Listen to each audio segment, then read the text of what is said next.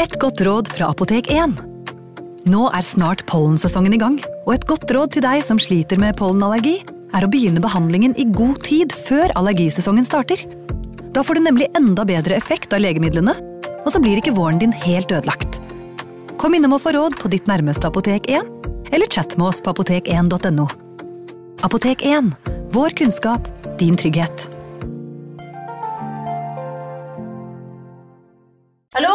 Jeg kommer fra Oslo politikammer.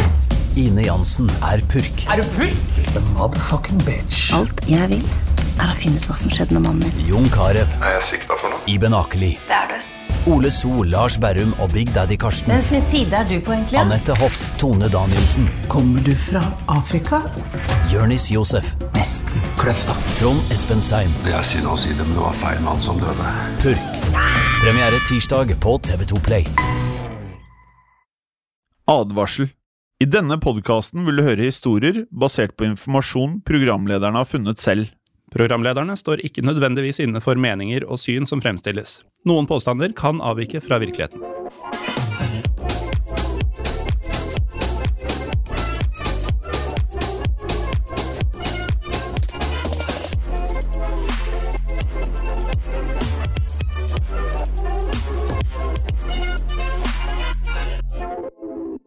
Hei og velkommen til en ny episode av Historiepodden. Mitt navn er Morten Galaasen. Og mitt navn er Jim Fosheim. Hei, Jim. Hei, Morten. Du, nå lurer sikkert mange på hvor har du og jeg vært de siste tre ukene? Oh, det kan jeg fortelle deg. Det er egentlig ganske enkelt, og veldig mange bør kanskje snart uh, få det med seg. Ja. For Hvis ikke så må vi si det i flere episoder. Det har vært deilig å sakte, men sikkert avslutte den delen av dette her. ja, for vi har forklart dette som kommer nå før.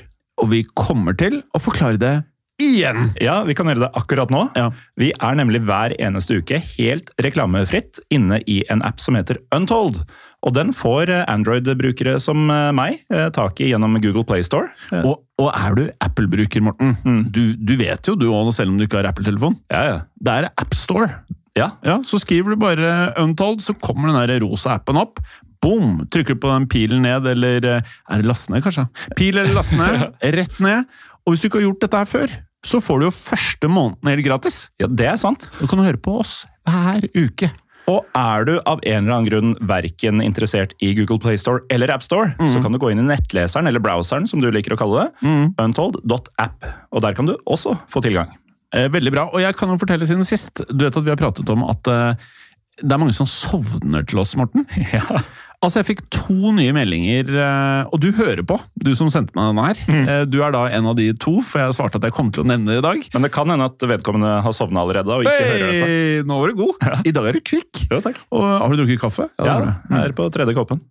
Tredje, ja. Mm. Her i studio? Nei, nei, nei. Jeg ble bare hjemme. Ja, Hvis ikke så var det kjapp. Eh, jo, nei, nei, det er mange som sovner til oss. Ja. Og det Først så tenkte jeg, er det så bra? Ja. Men så har vi jo eh, funnet ut at eh, det er jo noe det folk liker best med podkast. Og angivelig så er da tilbakemeldingen når jeg er litt sånn skuffet, eh, så er det at dere har så behagelig eh, Ikke stemmer, det har jeg aldri fått høre, men dere har så behagelig tone. Ja. Som jeg føler ikke er det samme som å si at vi har pene stemmer, men at det bare det er ålreit å høre på oss. Det er avslappende. Ja, Mm. og det kan jo på sett og vis eh, demme opp for eh, skuffelsen at Ja. man ikke hører ferdig episoden eh, med oss da når man skal sove. Ja, for det er, eh, det er vanskelig å ta til seg akkurat den tilbakemeldinga. Sånn, er vi kjedelige, eller Ja. er det bare for behagelig? Det er, men når du hører på det hver uke, Mm. og du sovner tydeligvis flere ganger i uka til oss, så jeg velger å se på det som en positiv ting. Ja, enig. Eh, vi eh, er ikke kjedelige i dag, for Nei. vi skal snakke om en av de mest eh, sexgale kongene som England noensinne har hatt. Så han var ikke kjedelig. Nei, Man og- sovna ikke til han. Nei, man, man burde ikke det. Eh, når jeg sier en av de mest eh, sexgale kongene til England, så sier ikke det rent lite, Jim. Nei. For i England og Storbritannia så har man hatt eh, flere ganske promiskuøse monarker opp gjennom årene. Det er helt riktig. Og en av disse kongene som vi har møtt tidligere, Morten, Mm. det er fra episoden Kong Charles 2. sin dramatiske flukt. Mm. Så ble vi jo da kjent med nettopp kong Charles 2. av England. Men da handlet det om hvordan Charles da måtte flykte fra England pga. eh, den engelske borgerkrigen.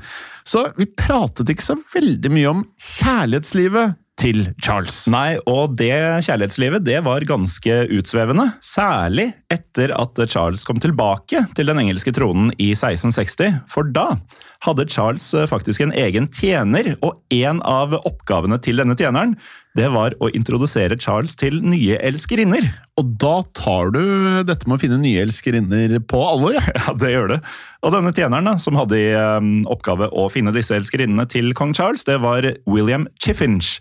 Og Chiffinch han gjorde tydeligvis jobben sin på mesterlig vis.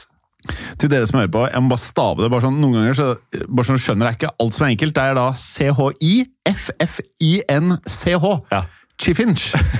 Eh, men eh, Chiffinch han ble da omtalt som The Royal Pimp Master. Og dette her er ikke noe vi finner på, det, det er historiebøkene som melder om dette. Og til de av dere som eh, nevner at dere ikke er gode i engelsk, Ja. så kan vi jo oversette betydningen. For en pimp, eh, det er det samme som en hallik Ja. på norsk. Ja, og det er et ord som kommer til å komme igjen i en seinere episode i høst også. Ja. Um, og da prøvde vi å finne et annet ord for hallik, for det høres uh, Det er hardt. Ja, men det er rett og slett det det heter. er det det heter. Så på norsk så ville det vært uh, Den rojale hallikmesteren. Ja, Eller den kongelige hallikmesteren. Ja, ja, ja, det er kanskje bedre. Uh, og så kan man jo si, er dette egentlig en eh, dårlig tittel å ha, Morten? Det er vel kanskje verken vi de rette folka eller dette den rette æraen i historien til å si noe om, men eh, som The Royal Pimp Master så bidro da Chiffinch til at Charles fikk et uh, tosifra antall barn utenfor ekteskap. Og når vi sier tosifret, det, det, det kan jo være mer enn ti. Ja, og det er det. For ja. selv om Charles var gift med den portugisiske prinsessa Katarina, så innrømma han til slutt å ha fått tolv barn med sju forskjellige elskerinner. Og det er jo ikke lave tall. Nei, det er ganske, ganske mye. Det er bra tall for vanlige folk. Ja, Og så er jo dette bare tallet han har innrømma. Ja, ja, det er det. Men skal også huske på at han hadde en Royal Pimpmaster, så noe under det hadde kanskje også vært overraskende. Men mer om Charles og kjærlighetslivet hans, Morten, i en helt egen episode. Det skjønner man jo at vi må komme, komme opp med. det skjer. Men øhm, i dag så skal vi jo øh, da prate om en annen sexgal britisk monark, nemlig Edvard den syvende. Også kjent som Dirty Bertie. Og bare la det synke inn at eh, et så uformelt eh, kallenavn har blitt gitt til en eh, britisk monark. Det sier kanskje litt om livsstilen hans. Eh, Charles han kommer vi som sagt tilbake til en annen gang, men eh, som vi skal høre, så var jo ikke Edward noe mindre promiskuøs enn det Charles var. For eh, selv om Edward ikke hadde en Royal Pimp Master sånn som Charles hadde, så hadde han en del andre ting, eh, Jim. Ja, Edvard han øh, eide, han eide mange ting. Ja. Blant tingene han eide, så hadde han en, det som blir kalt en privat sexstol i Paris. Ja. Ja. Og det er så mye med den setninga. Fordi, for det første, hva i all verden er en uh, sexstol? Ja, jeg visste ikke det. Og privat betyr at den er bare din, Ja. men, men du har den ikke hjemme. Og den er i Paris. Eh, og så hadde han jo uh, andre kallenavn. Ja. Som han gikk under også. Det var ikke bare Dirty Bertie. Nei, men uh, før vi kommer tilbake til både den sexstolen som vi skal bli nærmere kjent med, og kallenavnet hans, så kan vi jo gi Edward en skikkelig introduksjon. Og da er den uh, 9. november 1841 et bra sted å starte, for det var datoen da prins Albert Edward, senere kjent som kong Edward den 7., ble født. Og så kan vi jo nevne at eh, Edvard han kom til verden eh, på et helt spesielt sted. Nemlig i selveste Buckingham Palace i London. Ja, Det er ikke noen tvil om eh, hvilken del av samfunnet han her eh, tilhører. Ja, jeg vil kanskje sagt det øvre. Eh, og som da sikkert mange av lytterne vet, så var jo da moren hans dronning Victoria. Og Victoria var jo da britenes regjerende monark i relativt lang tid, Morten. Ja, det kan du si, for eh, Victoria hun satt på tronen fra 1837 helt til hun døde i 1901. Så hun var med andre ord dronning i 63 år, noe som gjør henne til nummer to på lista over britenes lengstsittende monarker. Og nummer én på denne lista er en vi kanskje kjenner bedre i vårt samfunn i dag. Den relativt nylig avdøde dronning Elisabeth 2. Det er helt rett, Morten. Og Elisabeth hun døde da i eh, 2022, og hadde da vært dronning helt siden 1952. Og det er da 70 år, det! Ja. 70 år på tronen, eh, og med det så i gåstein da, så slo hun dronning Victoria med syv år. Ja, Men eh, tilbake til Victorias eh, sønn Edward. For nå har vi jo etablert at dronning Victoria var moren til Edward, men han hadde også en far. Og det var Victorias ektemann Albert. Og Albert han var en tyskfødt prins, så før han kom til England, så het han sikkert Albert. Og Albert han var eh, fetteren til Victoria, men eh, dette var jo andre tider, så Victoria og Albert de gifta seg vel vitende om at de var eh, søskenbarn. Og vi har jo hatt egne episoder om hvordan det kan gå hvis veldig mange i samme familie ja. gifter seg mange ganger i kongefamilien. Habsburgerne, f.eks. Mm, den kan dere faktisk høre på, for det, jeg visste at det kunne skje ting, men at det skulle bli så heftig for mange av disse her, og hvor heftige skjebner mange av de let. Mm. Mm. Ja, nei, den, den, sier egentlig det meste. Ja. Eh, men gjennom dette ekteskapet så fikk da Victoria og Albert eh, hele ni barn sammen. Ja, Så mindre enn da Charles hadde med elskerinnene. Ja. Eh, og Edvard han var jo da den eldste sønnen deres, så derfor så ble han britenes kronprins. Men som vi allerede vet, så døde jo da Victoria først i 1901. Og siden Edvard var da født i 1841, så ble det en god stund før Edvard ble konge, Morten. Ja, det gikk nøyaktig 59 år og 45 dager og Derfor er det bare britenes nåværende konge, Charles 3., som har vært eh, kronprins lenger enn det Edward var. Så også han slo eh, historiebøkene? Ja, det er mor og sønn, mor og sønn. Ja.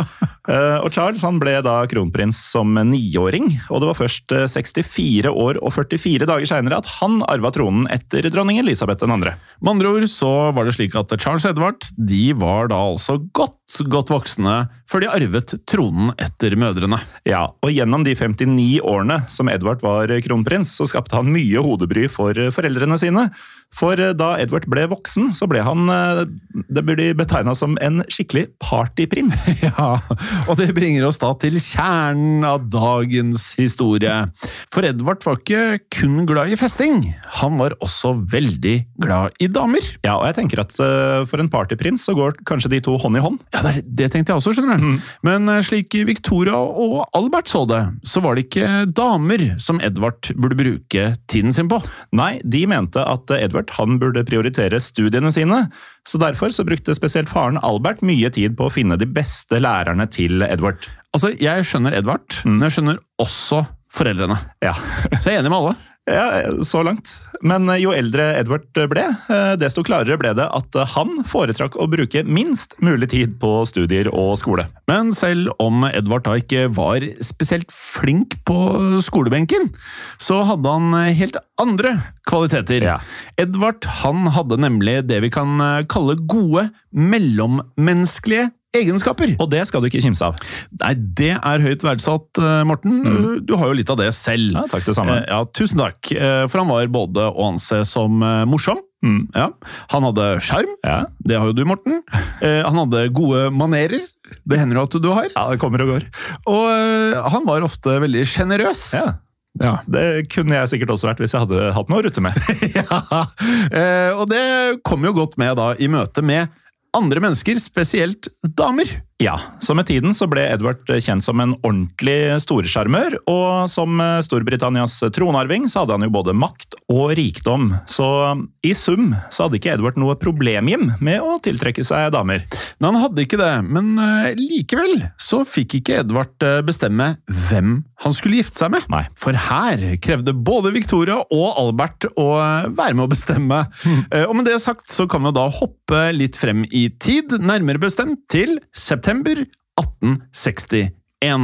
Edvard han var nå bare et eh, par måneder unna å runde 20 år. Ja, Det er en milepæl. Ja, og det er jo en fin alder, er du partyprins. Ja. Eh, men i forkant av bursdagen hans så hadde Victoria Albert sendt han til Tyskland. Ja. ja. Og da var det både offisielle, men også uoffisielle årsaker som lå bak denne turen. Ja, Den offisielle grunnen for besøket det var at Edward skulle se på tyske militærøvelser. Ja. Men den uoffisielle grunnen, som kanskje var mest tungtveiende, det var at Edward skulle introduseres til en dansk prinsesse ved navn Alexandra. For slik Victoria og Albert så det, så var Alexandra en potensiell fremtidig kone for Edward. Alexandra var nemlig datteren til eh, Danmarks daværende kronprins og senere konge, Kristian 9. Ja, så De var jo litt smarte, da. Ja, ja. De har sikkert lurt han og sagt eh, nå skal du bort her og være med på noen Se militærøvelser. på masse kanoner smelle og sånn, det blir gøy for deg. Og så her er Alexandra. Ja. men Kristian, han hadde et eh, noe spesielt kallenavn, Morten. Ja, det kan du si. Ja, for han var nemlig kjent som Europas svigerfar. Det er også litt av en tittel å ha. ja. Og grunnen til at Christian var kjent som Europas svigerfar, det skyldtes rett og slett at eh, de seks barna til Christian alle giftet seg inn i forskjellige europeiske kongefamilier. Ja, og derfor så er jo da flere nålevende medlemmer av forskjellige europeiske kongehus eh, direkte etterkommere av nettopp Kristian 9., som da var Europas svigerfar for noen år tilbake. Men eh, tilbake til Edvard og Alexandra og dette møtet, for nå ble de jo introdusert til hverandre i Tyskland. Og det gikk eh, ganske bra. Kan jeg si svært godt? Ja, Ja, fordi det det står i hvert fall i historiebøkene, er at det oppsto en vennlig tone. ja og dette er på midten av 1800-tallet, Ja. så vennlig tone var antagelig se- og hørspråk det på den tida. Ja, og dette er jo en partyprins som får en vennlig tone med en prinsesse. Ja.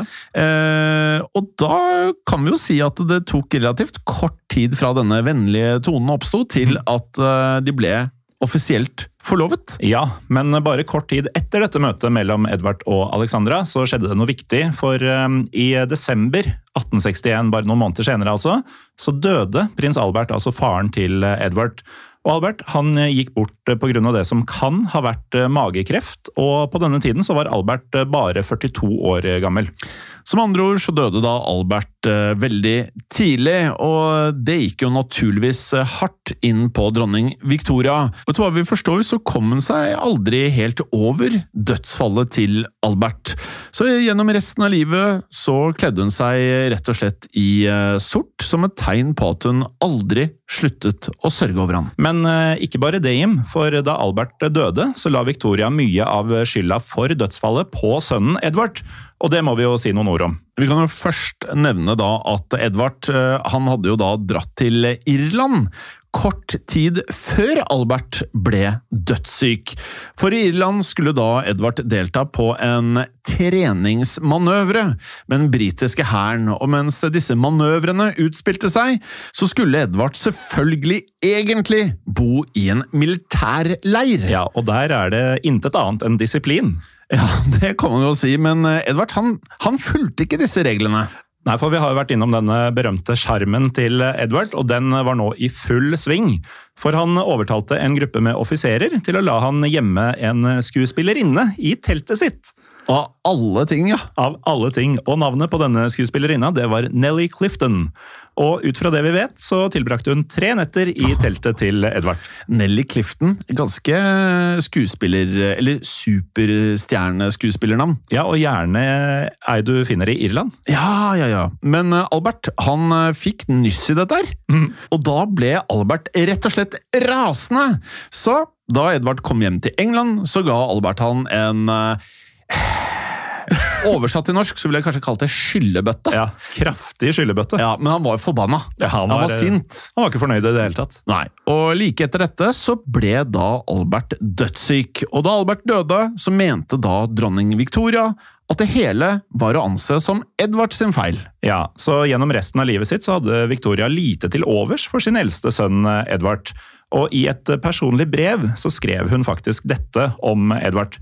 I never can or shall look at him without a shudder.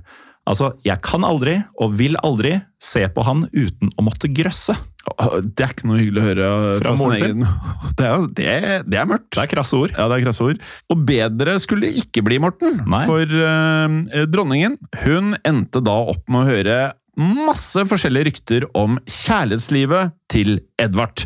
Eh, og de var det mange av. Så eh, selv om han var forlovet med prinsesse Alexandra, så fikk ikke Edvard nok av andre kvinner. Og innad i kongefamilien så ble det da en, eh, kan kalle det en åpen hemmelighet. Ja, dette visste folk. Ja, at han da elsket Og bare hør på dette her. Han elsket å gamble. Han elsket å drive hor. og han elsket å drikke alkohol. Ja, og det skulle ikke bli mindre av disse tingene framover, for i 1863 så gifta Edward seg med prinsesse Alexandra, og året etter, i 1864, så dro han på ferie til Paris uten henne. Og vi har jo nevnt eh, Paris i starten her, Jim, og at det var en egen eh, Sexstol Ja. i Paris. Så nå kommer vi til Paris her. Og datidens eh, Paris det var nemlig en av verdens ledende byer for sexturisme. Ja. Så ettersom Edvard var en sexgal prins, eh, så sjekka han inn på et parisisk luksusbordell. Og der begynte han å tilbringe tida si med mm, noen av de berømte parisiske kurtisanene. Kurtisane, ja, Morten. Det er ikke et ord eh, jeg tror alle lytterne hører hele tiden. Nei, det er ikke veldig moderne, eh, men en kurtisane det var rett og slett en luksusprostituert, og vi skal ha om en annen kurtisane i en senere episode i høst. Og um, i Paris så fantes det mange kurtisaner, så nå slapp Edvard seg fullstendig løs. Ja, Han slapp seg skikkelig løs, og Edvard han tilbrakte da natt etter natt sammen med forskjellige kurtisaner, også elskerinner. Og Derfor så må vi jo nå begynne å introdusere noen av disse kvinnene ved navn. Ja, og da kan vi begynne med den franske operastjerna Hortans Schneider. Og det er litt sånn, eh, Hun er fransk, men ingenting ved navnet oppleves som fransk. Så Det det, var veldig, oppleves tysk eller ja. nederlandsk. så veldig, Jeg måtte bare velge en måte å si det på. Ja. Men eh, hun var da en kvinne som vel å merke ikke var kurtisane, men som likevel hadde affærer med en rekke europeiske monarker og prinser. Og Hortans hun skal nemlig ha hoppa til sengs med den franske keiseren Napoleon 3., Og han er jo eh, velrenommert. tsar Alexander 2. av Russland, Rik og mye makt. en vi ikke har hørt så mye om, kong Louis 1. av Portugal, Ja, mektig mann. Keiser Frans Josef av Østerrike, Ja, og ikke minst da Edvard. Partyprinsen. Og på grunn da av alle disse kongelige affærene, så fikk også Hortense et kallenavn, Ja. Hun ble nemlig kalt Le Passage des Princes, som da rett og slett er eh, fyrstenes passasje. Oi.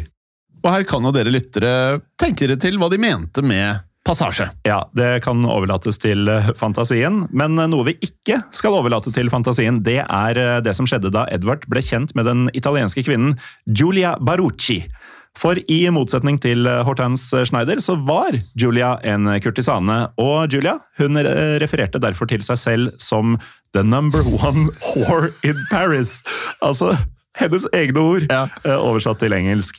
Og da hun ble introdusert til Edward, så eh, var hun ikke veldig sjenert.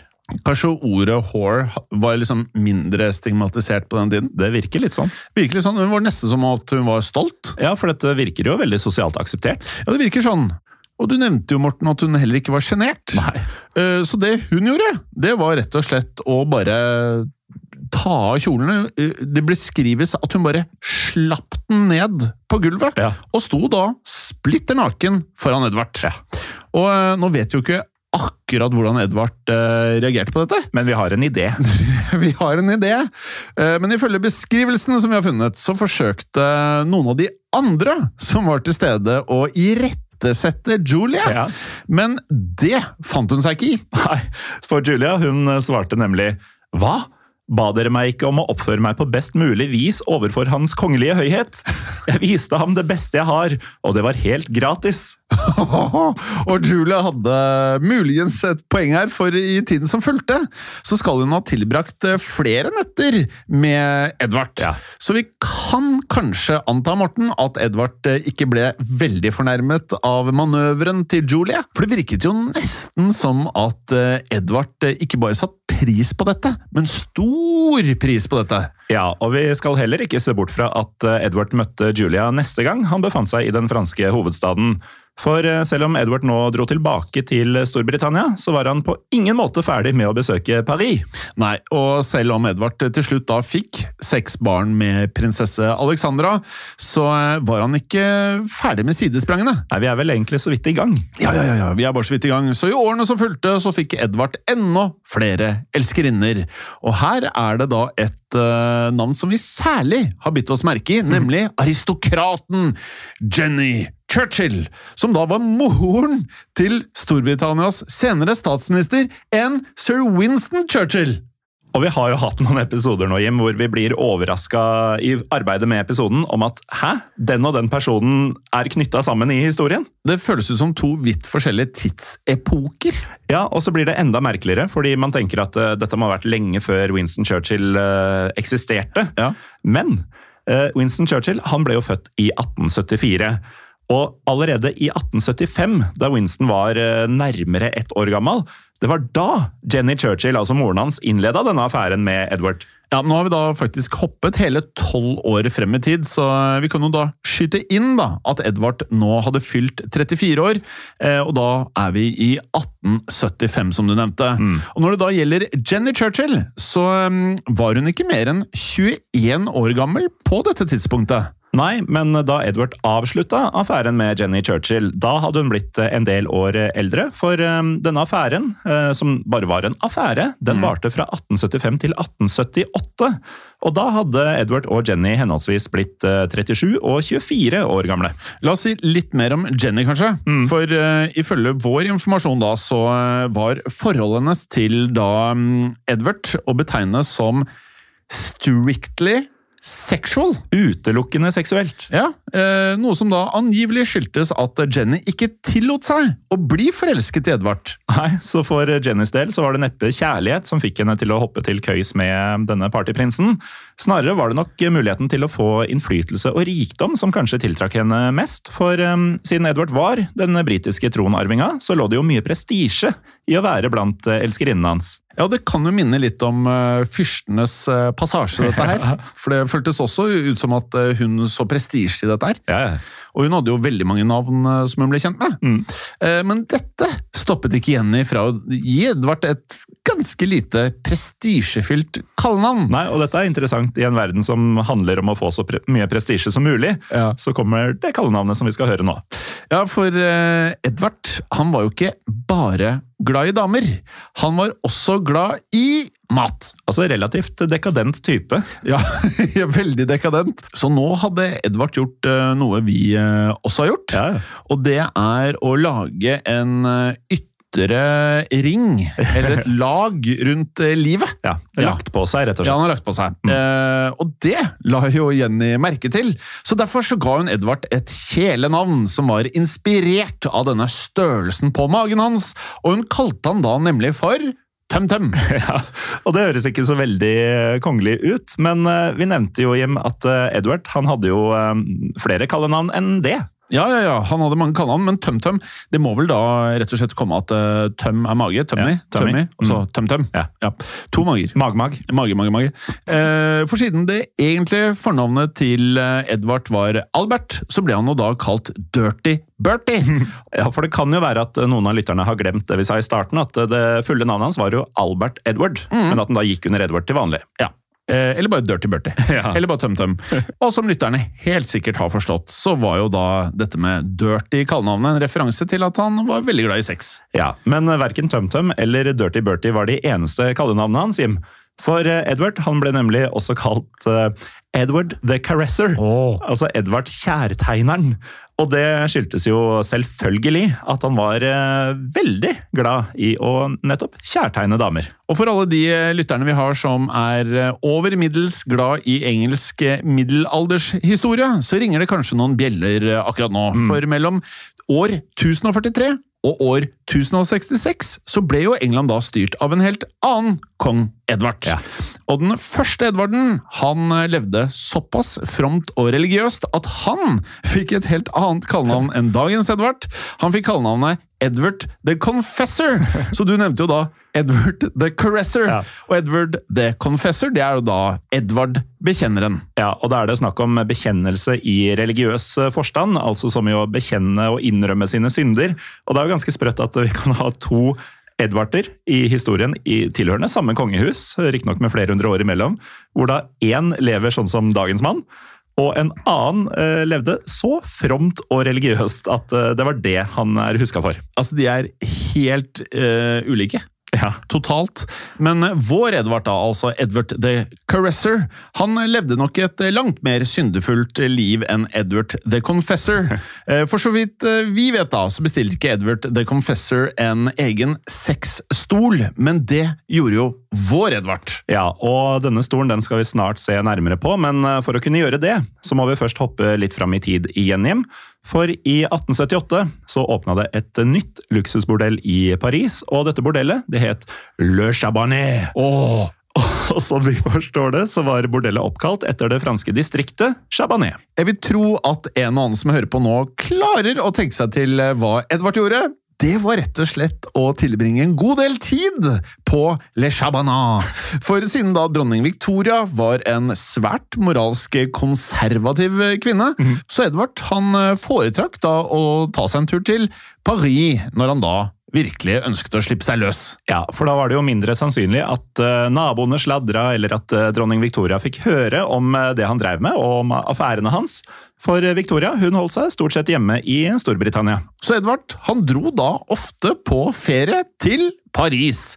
Og med årene så ble han også en Og det her er ikke så veldig overraskende. Han ble altså en stamgjest på Le Chabanat, som da gjennom flere tiår var det aller mest eksklusive bordellet i hele Paris. Bordellet holdt det nemlig gående helt frem til 1946. Etter andre verdenskrig. Ja, så de fikk med seg hele den perioden òg. Og det her igjen, det er, det er så rart at denne historien blander seg inn i tiden med Churchill og annen verdenskrig. Ja, den skal blande seg inn i andre folk vi har vært borti før også. Ja, for eh, før Le Chabanat stengte for godt, så hadde de også fått gjester som inkluderte Hollywood-skuespillere, som sikkert de aller fleste har hørt om, nemlig Cary Grant og Humphrey Bogart. Men også det blåe blodet var innom, nemlig Carlos den første av Portugal.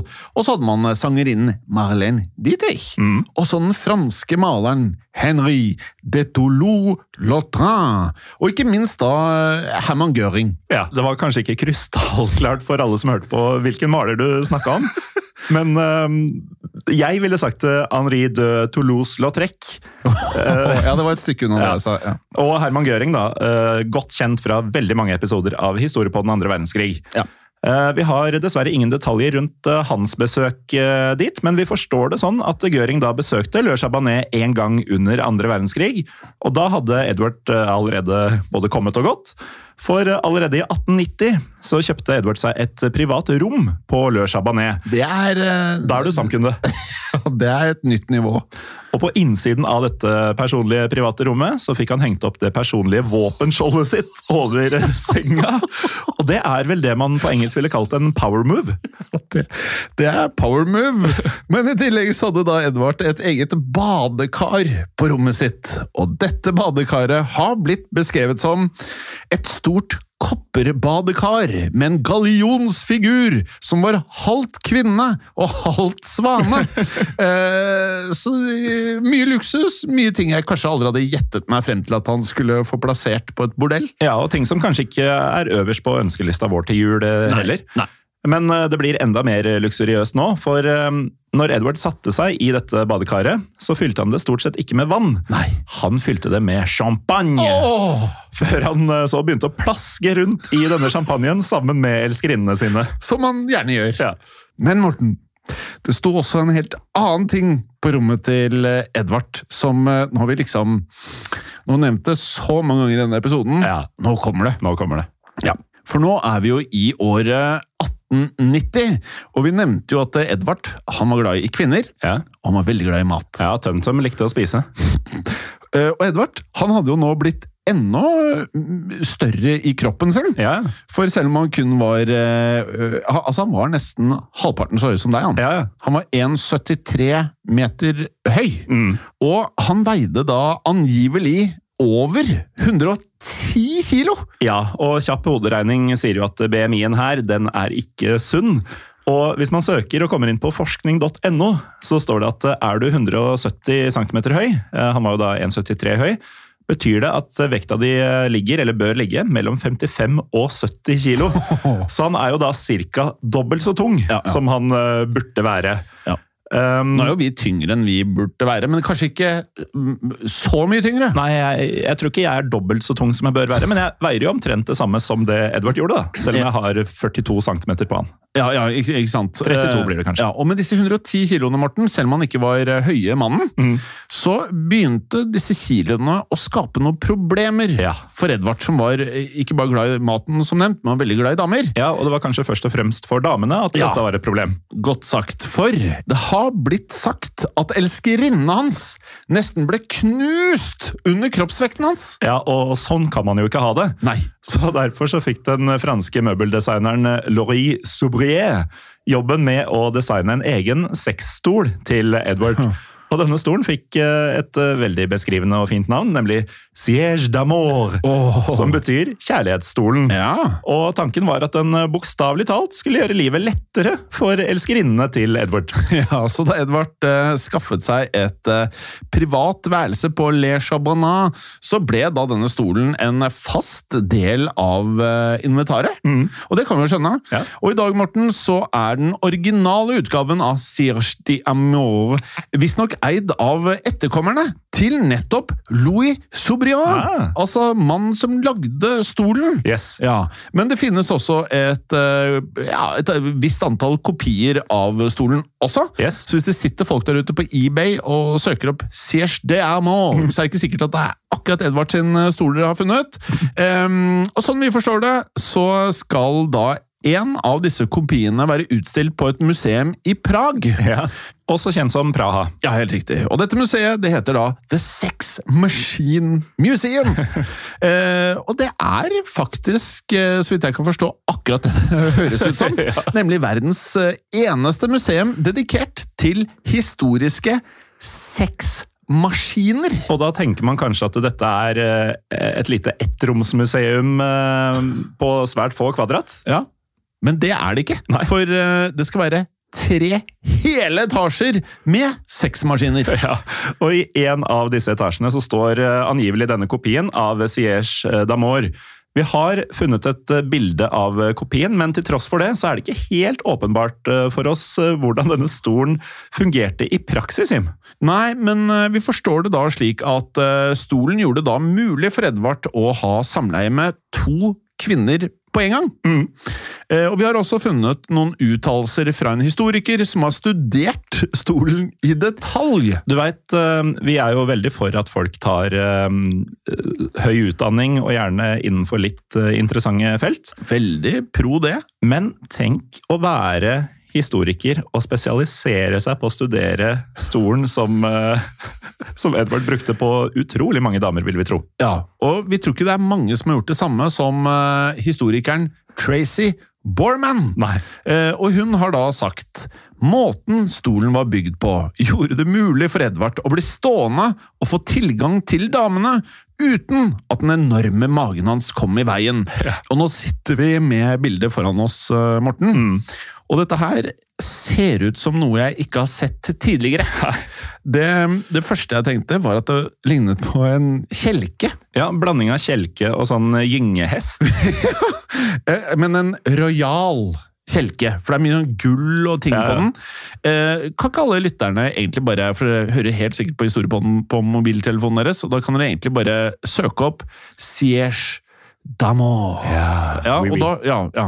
Og da får dere opp den saken her. Mm. Og der vil dere se at det kommer ut to sånne eh, gullhorn. Ja, Nesten håndtak. Ja, to sånne jernting.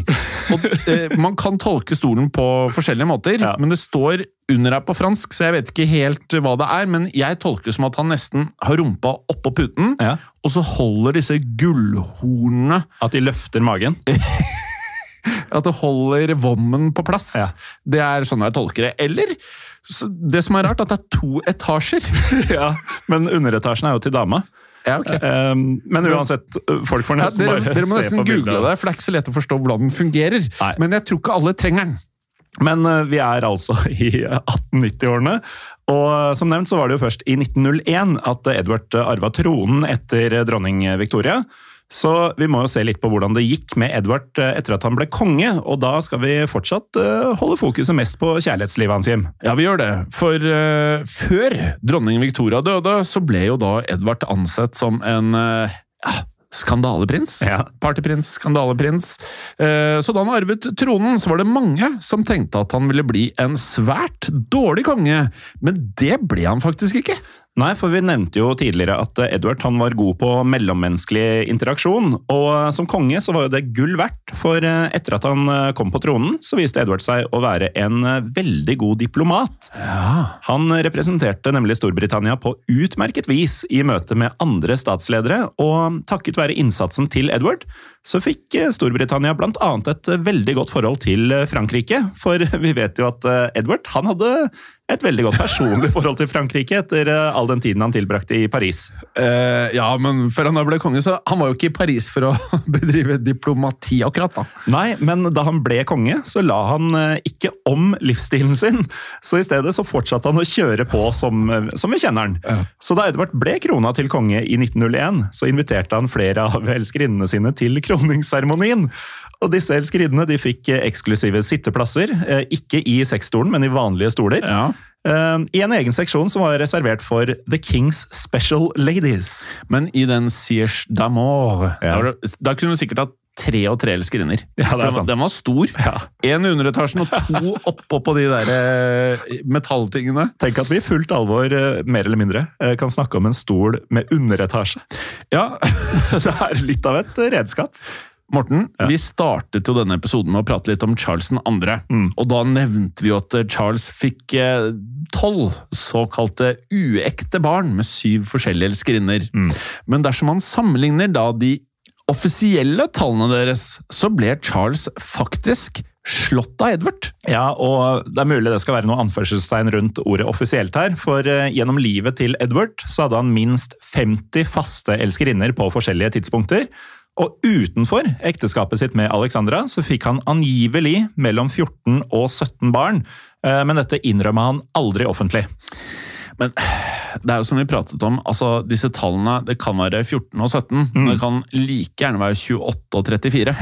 Så det det, men, men det er i hvert fall de tallene som noen velger da å opplyse om. Mm. Men eh, Edvard fikk jo i tillegg til disse 14 eller 17 barna, også seks barn med Alexandra. Ja. Så totalt sett så ble han da i alle fall far til i hvert fall 20 barn. Og det er jo da godt over gjennomsnittet selvfølgelig, både i dag og da Edvard levde. For i 1900, da lå den gjennomsnittlige fruktbarhetsraten for britiske kvinner på 3,6 barn. Ja, Så Alexandra alene var jo nesten dobbelt så mye som eh, snittet. Ja, hun var det. Og eh, vi må jo bare anta da at de fleste av eh, datidens britiske menn ikke var like aktive som Edvard. Nei, og aktiv er et stikkord, for det var Edvard helt til det siste. Da Edward lå på dødsleiet, så fikk han besøk av den siste elskerinna si, en kvinne ved navn Alice Keppel. Og Alice hun var oldemoren til eh, Storbritannias nåværende dronning, Camilla. Ja, og eh, Camilla er jo da gift med tippoldebarnet til Edvard, nemlig kong Charles 3. Alt henger sammen. Ja, det er underlig hvordan det fungerer, men eh, tilbake til Edvard og Alice, Morten, for nå hopper vi til mai 1910. På dette tidspunktet så var Edvard blitt 68 år gammel, og han hadde da dessverre kort tid igjen å leve, noe som eh, kanskje ikke kom helt ut av det blå. Nei, for det var jo ikke helt sunt, det livet som Edvard hadde levd. Han var som nevnt eh, svært overvektig, og for å gjøre det verre, så hadde han for vane å røyke 20 sigaretter, i tillegg til 12 sigarer hver eneste dag. Det hørtes veldig mye ut, og derfor så led Edvard av lungesykdommen bronkitt. Men likevel så var det ikke bronkitten som tok livet av han, for eh, 6. mai 1910 så ble han rammet av eh, ikke bare ett, men av flere hjerteinfarkt. Ja, og bare kort tid før dette så skal Edvard ha skrevet et brev til denne elskerinna Alice Keppel. Og vi vet ikke hva som sto i brevet, men uh, uansett hva det var, så bestemte Alice seg for å besøke Edward før han døde. Så hun dro av gårde til Buckingham Palace, der Edward nå lå på dødsleiet sitt. Og utenfor palasset så begynte Alice å banke på inngangsporten mens hun vifta med dette brevet som Edward hadde sendt til henne. Og til slutt så ble Alice sluppet gjennom porten, men det var ikke av brevet. For selv om dronning Alexandra ikke satte pris på affærene til Edvard, så ignorerte hun utroskapen hans gjennom stort sett hele ekteskapet. Men eh, hun ønsket på ingen måte at eh, sidesprangene skulle komme til offentligheten. Nei. Og nå lagde jo Alice rett og slett så mye bråk utenfor palasset at Alexandra ga vaktene beskjed om å slippe henne inn. Det er den kongelige versjonen av Hva vil naboene si? Men eh, da Alice ble ført inn i palasset, så var Edward ganske omtåket. Så derfor så kjente han ikke igjen Alice, og da skulle Edward gjøre noe eh, pinlig. Det kan du si, Morten, for eh, mens han da lå i sengen, så skal Edvard ha bedt Alice om å kysse dronning Alexandra. Ja, Den eh, så man ikke komme. Nei, og det satte ikke Alexandra pris på, så hun ga legene til Edvard følgende beskjed. Get that woman out of here! Og med det så ble Alice kastet ut av Buckingham Palace. Og bare noen timer etter dette så døde kong Edward den 7., så nå er vi eh, kommet eh, til slutten av episoden også, men helt til sist så kan vi jo nevne at Edvard Edward fikk en eh, storslått eh, statsbegravelse, som eh, seg hør og bør når man er konge. For gjennom eh, to hele dager så lå kista hans eh, til offentlig skue i den engelske parlamentsbygninga Westminster Hall, og her fikk eh, 400 000 borgere, altså nesten en halv million borgere, nesten hele Oslo, eh, passere kista for å utvise sin siste respekt før Edvard ble gravlagt. Og med det så gikk Edvard ut av tiden og inn i historiebøkene, og som vi har lært i dag, så kan han med rette omtales som en av britenes mest sexgale monarker gjennom tidene, men eh, vi må jo nevne at eh, det var flere av dem. Ja, og, det er det som er så vilt. altså Etter alt vi har lært i dag, så sier man ikke 'den mest sexgale', men én av dem. Ja. Um, og helt til slutt da, så kan vi jo gjenta at denne kopien av eh, Kjærlighetsstolen, Siege d'amour, da angivelig står utstilt på The Sex Machine Museum i Praha. Så hvis man befinner seg der, så kan man jo i hvert fall vurdere om man skal ta en tur innom denne kjelken. Altså, hvorfor ikke hvis du er der? Ikke sant? Det er tre etasjer med maskiner. Ja, og øh, hvis man går inn på nettsida, så ser Ja. man jo bilder av veldig mye forskjellig. Ja. Det er ikke alt som man skjønner hva brukes til. Nei. Og mye av det ser egentlig bare ut som eh, vanlige ja, gjenstander du finner i hjemmet. En støvsuger og ja, mye sånne type ting. Eh, besøk gjerne nettsiden før du tar turen, så hvis du velger å ta deg en ferie til Prag kun for å se dette, så kan det godt være at du burde dra et annet sted. Men er du der, så ta turen. Men øh, apropos nettsider, Jim. Én en av tre måter å få tak i appen Untold på, hvis man vil høre historiepodden også neste uke, eller en av de mange andre podkastene som finnes der inne, så kan man bruke nettleseren øh, og skrive en untold.app for å få tilgang til Untold. Men det er jo mer logisk å kanskje bruke en annen metode. Ja, for er du IOS-bruker, altså du har en eh, iPhone, så går du bare inn på AppStore, skriver Untold, og så kommer denne rosa appen opp. Og da laster du ned hvis du ønsker det. Eh, og har du ikke gjort dette før, så får du da første måneden helt gratis. Og alt det samme gjelder for Android-brukere som meg, bare at du bytter ut AppStore med Google Playstore og gjør øh, nøyaktig det samme.